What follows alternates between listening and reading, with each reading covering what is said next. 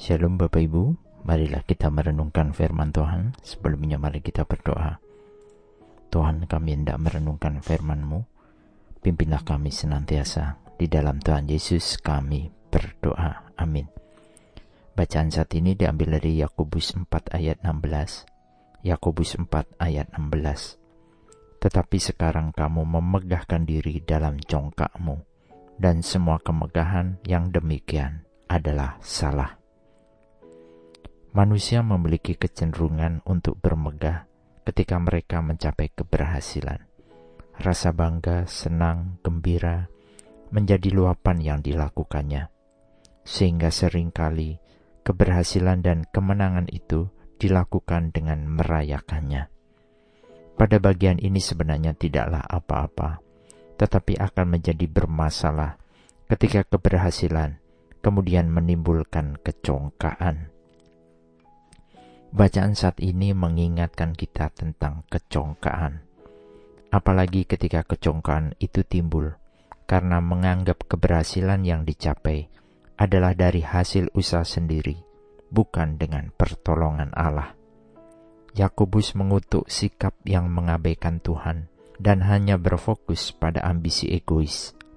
Ini adalah sikap yang menuntun kita untuk melecehkan orang lain. Setiap kita orang percaya diundang untuk senantiasa melibatkan peran Allah dalam hidup kita.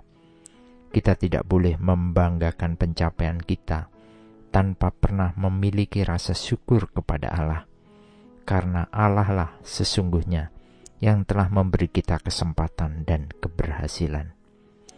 Adalah kebodohan bagi makhluk yang berumur pendek, yang setiap saat bisa mati tanpa tahu akan hari esok, yang berani dengan kecongkaan dan kesombongan mencapai semua rencana-rencana pribadinya tanpa memandang kepada Allah.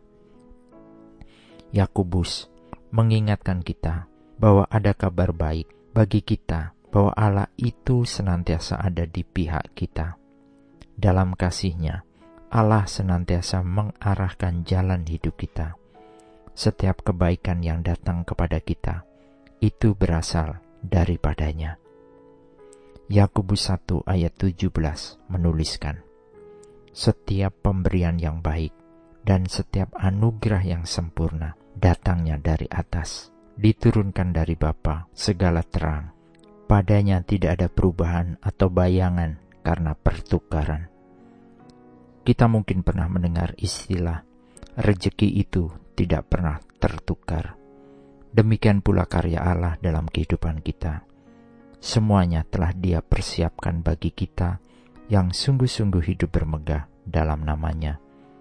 Dia telah berjanji untuk menyediakan semua yang kita butuhkan dan kelimpahan yang besar bersamanya untuk selama-lamanya. Marilah kita mentaati dan ada pada hal yang Tuhan kehendaki senantiasa. Biarlah kita melakukan tindakan yang berkenan kepadanya.